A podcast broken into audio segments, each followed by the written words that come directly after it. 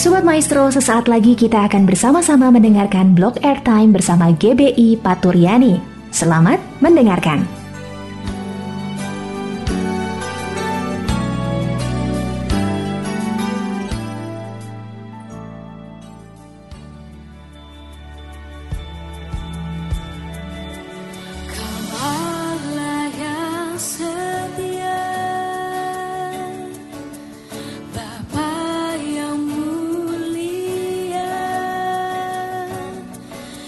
sim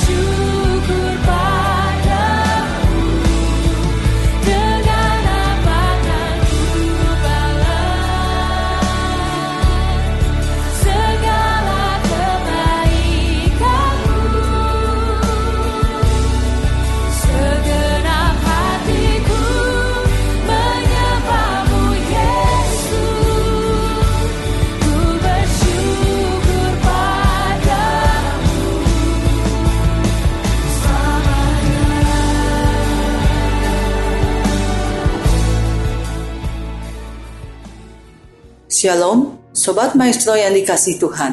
Suara Patuliani sore ini bersama dengan saya, Lydia Jonathan. Sebelum kita membaca dan mendengarkan firman Tuhan, mari kita berdoa terlebih dahulu. Bapa kami dalam surga, kami bersyukur kalau sore ini kami mendapat kesempatan untuk mendengarkan kebenaran firman-Mu. Buka hati dan pikiran kami untuk dapat mengerti dan menerima pengajaran firman. Kiranya Roh Kudus yang memimpin pemberitaan firman sore hari ini. Kami siap diberkati oleh firman-Mu. Dalam nama Tuhan Yesus, kami berdoa dan mengucap syukur. Amin.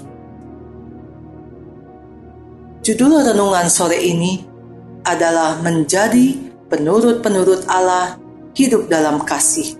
Diambil dari Efesus pasal 5 ayat 1 dan 2 yang berbunyi sebagai berikut.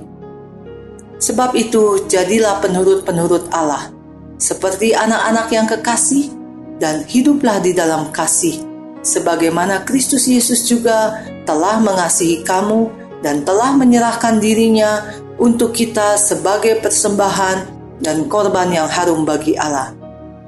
Ada dua hal yang akan kita pelajari sore hari ini. Yang pertama, menjadi penurut-penurut Allah. Arti kata dari penurut yaitu tidak melawan, patuh. Apakah kita sudah menjadi penurut Allah? Dalam arti senantiasa patuh terhadap segala perintah Tuhan yang terdapat dalam firman-Nya. Seringkali kita memilah-milah. Kalau perintahnya menyenangkan dan menjanjikan berkat, kita akan mematuhinya tetapi kalau perintah Tuhan itu membuat kita harus berkorban, baik materi, tenaga, waktu, mungkin kita akan berpikir beberapa kali untuk mematuhinya. Tentunya bukan demikian yang Tuhan kehendaki dalam hidup kita. Tuhan menghendaki kita sebagai anak-anaknya mematuhi semua perintah yang Tuhan berikan kepada kita. Sekalipun menurut manusia sulit, atau tidak masuk akal, tetapi Tuhan pasti akan memimpin, menyertai, dan menolong kita untuk dapat melakukan segala perintahnya. Asalkan kita memiliki kerendahan hati. Jadi, kunci untuk menjadi penurut-penurut Allah adalah kerendahan hati. Sudahkah kita memiliki kerendahan hati itu? Sebagai contoh dalam Alkitab, seorang yang menuruti perintah Allah adalah Abraham atau Abram. Sobat Maestro bisa membaca dalam kitab kejadian pasal ke-12, di mana Abram menuruti perintah Tuhan untuk keluar dari negerinya, pergi ke negeri yang akan ditunjukkan Tuhan. Tanpa beradu argumen, tanpa bertanya ke mana dia harus pergi, atau bagaimana negeri yang akan ditujunya, Abram segera berangkat, keluar dari rumahnya dan negerinya.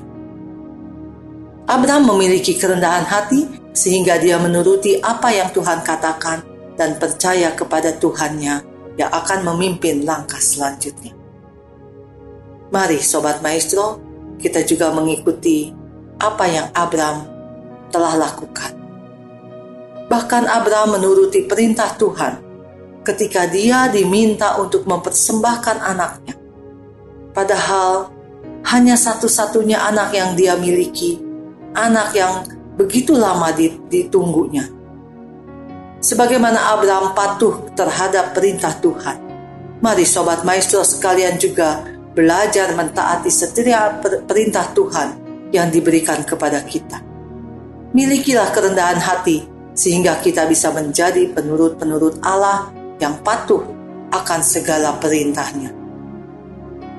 Hal yang kedua yang kita pelajari sore ini adalah hidup dalam kasih. Seperti kita ketahui, Allah adalah kasih. Jadi hidup dalam kasih berarti hidup dalam Allah, di mana Allah yang memegang kendali seluruh hidup kita. Allah akan mengarahkan, menuntun jalan hidup kita apa yang harus kita lakukan dan kerjakan selama kita ada dalam dunia ini. Apakah kita sudah hidup dalam kasih itu?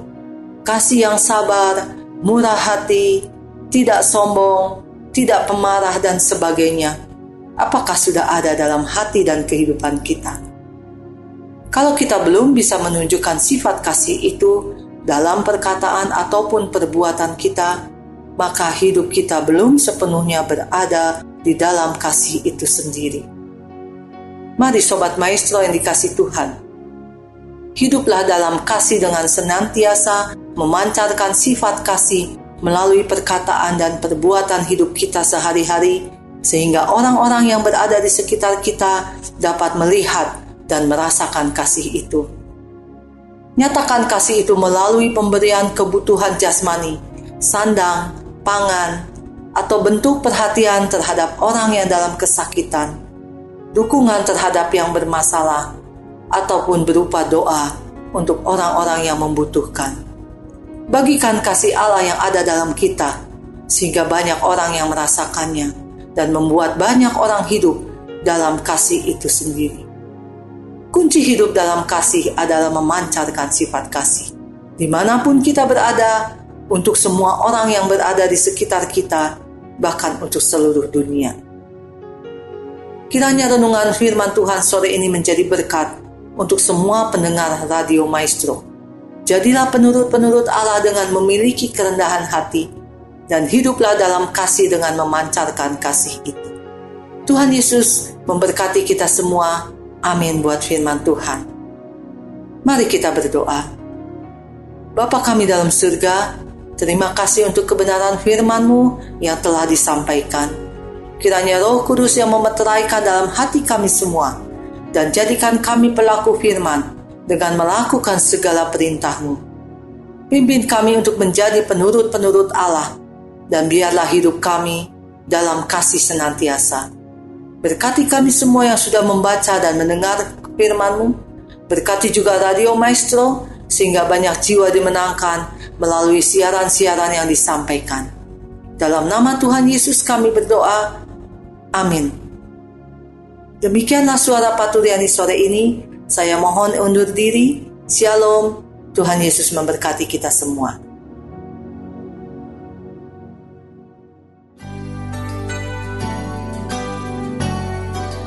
Sobat Maestro, kita baru saja mendengarkan blog airtime bersama dengan GBI Paturyani.